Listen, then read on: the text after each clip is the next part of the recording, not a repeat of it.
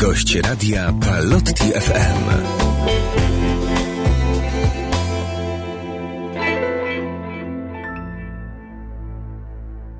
Pozdrawiamy wszystkich słuchaczy Radia Palotti FM przed mikrofonem ksiądz Łukasz Gołaś. Dzisiaj chcemy rozmawiać e, o Ukrainie. Jest razem ze mną ksiądz Wieczysław Gryniewicz, Palotyn, delegat Palotynów na Ukrainie i sekretarz generalny Caritas Spes na Ukrainie. Szczęść Boże. Szczęść Boże, proszę księdza, witam. Mamy początek lutego i proszę powiedzieć, co dzieje się na Ukrainie? Takie pierwsze pytanie, które otwiera naszą rozmowę. No, dziękuję za to pytanie. Na Ukrainie naprawdę dzieje się no, dużo niewiadomego i jesteśmy w takiej sytuacji, kiedy trudno przewidzieć, trudno powiedzieć i trudno też oczekiwać różnych scenariuszy. Ta trudność spowodowana tą, tą zagrozą, która, przed którą jesteśmy i mówię, najcięższe to po prostu, że nie, nie wiemy czego czekać i też najsmutniejsze to jest to, nie, nie wiemy czemu nas, naszą niezależność, naszą wolność się prześladuje. Wiemy, że różne nastroje panują wśród mieszkańców Ukrainy. E, właśnie z, w związku z możliwą inwazją Rosji e, na ten kraj, jakie można nastroje zauważyć? Jak, jak, jak, jak ksiądz patrzy na, na, na ludzi, na, na mhm. drugiego człowieka na ulicach w Kijowie, tam gdzie mieszka, gdzie posługuje, gdzie pracuje? Głównie te nastroje można oceniać na różne sposoby. Pierwsze, te nastroje bardzo się różnią od tych nastrojów, co były jeszcze 2-3 tygodnie temu. 2-3 y, tygodnie temu e, rozmawiając czy przebywając na Ukrainie nie odczuwało się powiedzmy jakichś takich przeżywań, bo my jesteśmy w stanie permanentnej wojny z 2000, od 2014 roku. Natomiast e, tydzień temu już się nastroje zmieniły, ponieważ e, ilość polityków, które odwiedziły Ukrainę, ta ca całość, cała komplikacja rozmów, która się odbyła też z Rosją, pokazuje, że jednak jesteśmy w zagrożeniu jeszcze większej jeszcze większej wojny. I zaczęła się już taka, można powiedzieć, też panika pełna wśród ludzi, bo e, spowodowana takim informacyjnym, powiedzmy, atakiem, tak? I to było coś takiego, co mi się wydaje, że już jest pewną formą e, inwazji, pewną formą wojny, ponieważ z wewnątrz ludzi e, zmusza bać się tego, co, co będzie się działo, tak? Przed tym nie baliśmy się tego, nie wiem, że na przykład tam terytorialne grupy obrony się formowały, że kobiety się zapisują i też w wiadomościach pokazuje, jak kobiety, matki, dzieci mhm. trzymają broń i uczą się się bronić.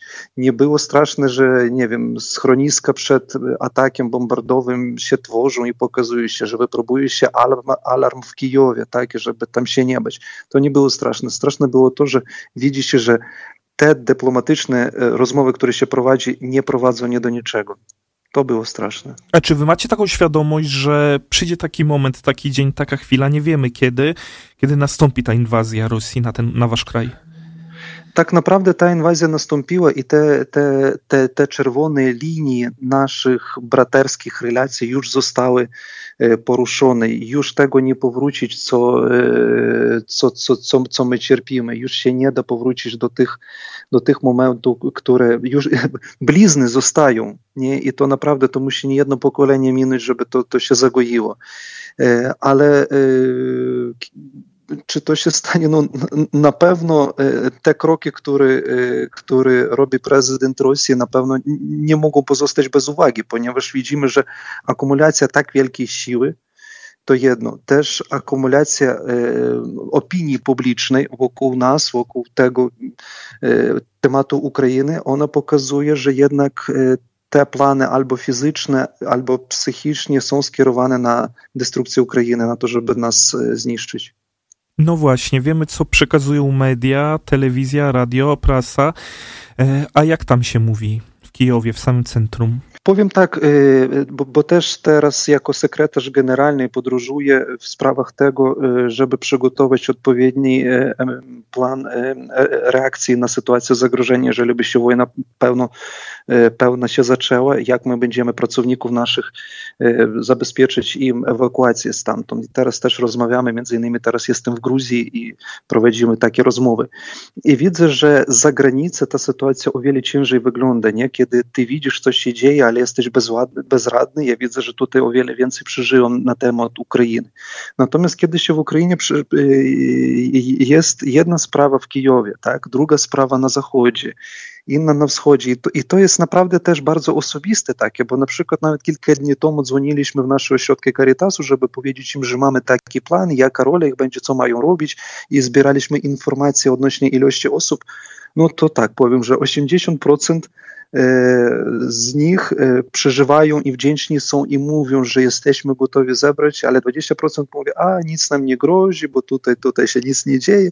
Ale wtedy się przypomina po prostu scenariusz 2014 roku. Krym nikt nie mógł uwierzyć, że po prostu coś nastąpi. Wtedy mniej realne to było. Natomiast teraz wiemy, że to jest bardzo realne. Także to jest taki w zależności od osoby. A czy to nie jest tak, że część ludzi może przyzwyczaiła się już do takiego stanu, jaki jest ten stan, patrząc na przeszłość i, i patrząc na Rosję, mhm. patrząc na to, do czego oni są zdolni? Y, oczywiście, proszę księdza, y, y, całkowicie się zgadzam, bo też o tym myślałem, że, że kwestia przyzwyczajenia, tak, ona jest taka bardzo istotna i bardzo niebezpieczna. Pamiętam, kiedy w 2015 roku pojechałem jako kapelanem wojskowym służyć.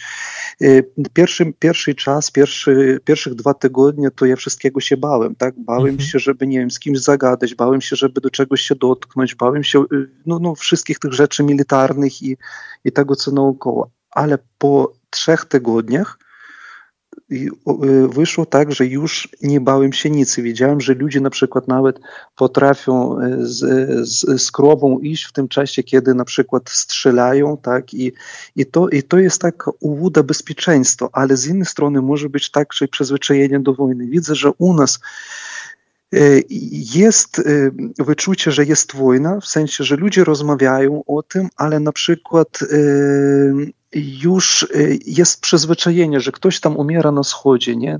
Tam codziennie jedna, dwie osoby. Jest przyzwyczajenie, że obok siebie y, stoi y, chłopak, który na przykład nie ma nogi, który nie ma ręki, a jest kombatantem i to się łatwo do tego przyzwyczaja się, tak, po, po 8 latach. Ale inna, inna sytuacja, że też właśnie ten, ten złoty środek mieć, żeby mieć otwarte oczy i uświadomić sobie, co jest normą, co nie jest normą, bo ponieważ jak i uda pokoju, niesie pewną formę śmierci, tak i e, u wojny niesie pewną formę e, też. Mhm, na pewno e, wiele modlitwy płynie w stronę Ukrainy. Arcybiskup Mieczysław Mokrzycki powiedział, że modlitwa może zmienić bieg historii. Wierzymy, hmm. że na dzisiejsze czasy błaganie przyczyni się do tego, że będziemy mogli żyć w pokoju nie tylko na Ukrainie, ale w całej Europie. Ta modlitwa jest odczuwalna? Szczerze powiem, że e, jest odczuwalna, naprawdę jest odczuwalna i w różnych aspektach, tak? Zwłaszcza w tym, że przekonany jestem, że modlitwa otwiera serce. I tutaj chodzi nawet w kontekście tym, że widzę, że jak nasza struktura Caritas, która otrzymuje różną pomoc, ludzie się interesują, mówią, zapewniają, że gotowi wesprzeć nas. I to jest, to jest takim, co ty widzisz namacalnie. Ale z jednej strony sobie myślę w ogóle ten kontekst tak, tego niebezpieczeństwa i to jest taka forma jakiegoś, stawiam sobie pytanie w ostatnim czasem, z jakiego powodu, czym zawiniliśmy jako ludzie, tak, czym zamieniliśmy jako, jako ludzie, którzy chcą po prostu spokoju i, pokoju i żyć, i, i żyć w normalnym środowisku.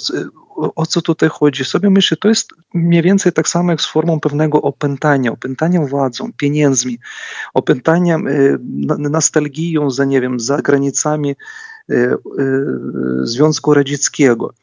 I w tym momencie to mi się wydaje, że naprawdę ta modlitwa, y, jedyne co może zrobić, bo jeżeli tam bronią na broń, tak często to, to, to są bardzo ciężkie skutki, ale modlitwa jest czymś, co zmienia serce i to jest najlepsza broń u nas, u chrześcijan. I, i naprawdę to, że widzę, że na przykład papież Franciszek y, też apel stosował odnośnie postu i modlitwy. Widzę teraz na przykład nuncjusz apostolski Rosji mówi, że Watykan może stać się takim pomostem dialogu. Widzę, że na przykład Zachód na ile teraz z innej perspektywy patrzy na Ukrainę, tak? W sensie, że my chcemy się bronić, tak? I kwestia nawet tam zabezpieczenia bronią, to jest kwestia tego, że my chcemy się obronić, nie? I widzę, że tak naprawdę dużo jedności jest takiej, takiej w tym. I mi się wydaje, że, właśnie taka modlitwa to jest też takim, no, zmienia serce i patrzenie na na socjum, na człowieka i na różne sytuacje, w których my się znajdujemy. I na Ukrainie to nie tylko Pallotyni posługuje, ale również inne zakony. Ostatnio mieliśmy Dzień Życia Konsekrowanego, ale również no, kapłani diecezjalni. E, proszę mhm. powiedzieć, jak, jak, jak, jak duchowieństwo włącza się w, w pomoc drugiemu człowiekowi, szczególnie temu poszukującemu, a może temu, który musi stanąć przed wyborem, e, iść do wojska, co zrobić, żeby nie iść, albo temu, który wraca poraniony, e, nie tylko mhm. duchowo, psychicznie, ale też, też fizycznie, z jakimiś ranami.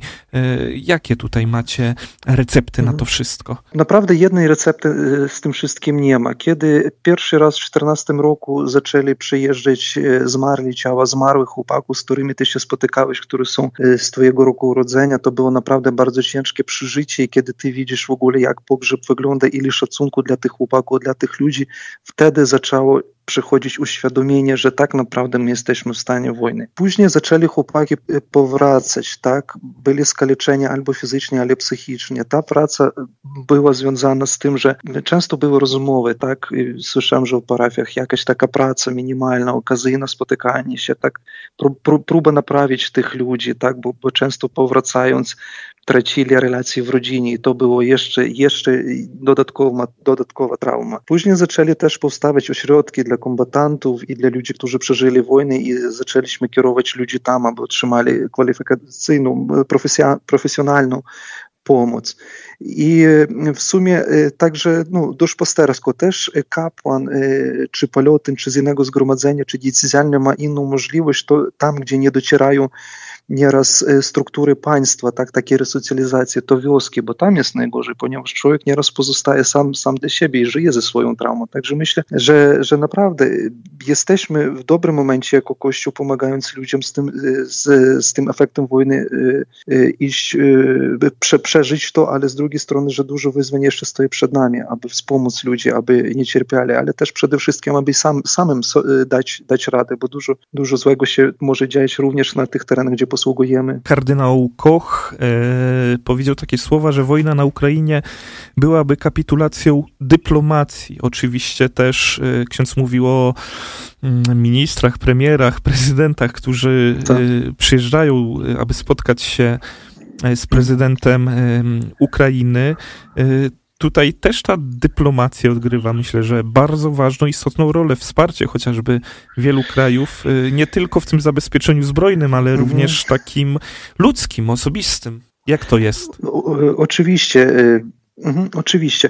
Y, na pewno, że w sytuacji wojny nieraz się przyjmuje argumenty militarne, czyli chodzi o takie, które są mocne, które pokazują konsekwencje, które pokazują co będzie, y, co będzie, jeżeli coś się zacznie, tak. I myślę, że w tym kontekście to jest też bardzo ważna informacja, bo, bo nieraz dla liderów Zachodu ciężko mówić e, językiem konsekwencji takich klarownych. Natomiast my widzimy, że pewne skutki tego są, bo jednak widzimy, że pewne zmniejszenie też idzie jak, jakiegoś takiego napięcia. Z drugiej strony też to, co było na przykład, nie wiem, nawet wcześniej, także jeszcze był taki wątek, kto jest przyczyną konfliktu i może Ukraina sama sprowokowała to wszystko, to teraz widzimy, że naprawdę w tym momencie wszystkie te maski, oni spadły i widzimy, y, w jakim momencie my jako państwo y, no, jesteśmy, kim my jesteśmy przed Europą, co my robimy, bo naprawdę to, co my chcemy my chcemy tylko, żeby nas zostawili w spokoju, aby nam dali tą wolność y, samym decydować o, o swojej przyszłości. I myślę, że mamy do tego prawo po tych wszystkich ofiarach wojen, po tych wszystkich Holodomorach, które nam organizowano. Mamy prawo do wolności. Mamy, jak papież Franciszek mówi, mamy dużo krwi na naszych terenach, która była przelana. Zapraszam was, abyście pomodlili się o pokój na Ukrainie, powiedział papież Franciszek. Powtarzajmy tę modlitwę wielokrotnie w ciągu tego dnia. Prośmy Boga usilnie, aby ta ziemia mogła zobaczyć rozkwit braterstwa i leczyć rany, obawy i podziały. Tak zachęcał Ojciec Święty. I już na koniec, jak my możemy pomóc wam? Przede wszystkim proszę o modlitwę, ponieważ, jak powiedziałem przedtem, jestem przekonany, głęboko wierzę, że modlitwa to jest coś, co może zmienić serca różnych ludzi, nawet zatwardziałych grzeszników, nawet tych, którzy głoszą wojny w świecie. I też, jak nasz święty założyciel, święty Wincenty Polot, jestem przekonany, że modlitwa jest tym środkiem, który łączy nas, łączy w przeżywaniu i dobra, i zła. Naszym gościem był ksiądz Wieczesław Gryniewicz, delegat Palutynów na Ukrainie, sekretarz generalny Caritas Spes na Ukrainie. Dziękuję za rozmowę. Dziękuję. Gość radia Palotti FM.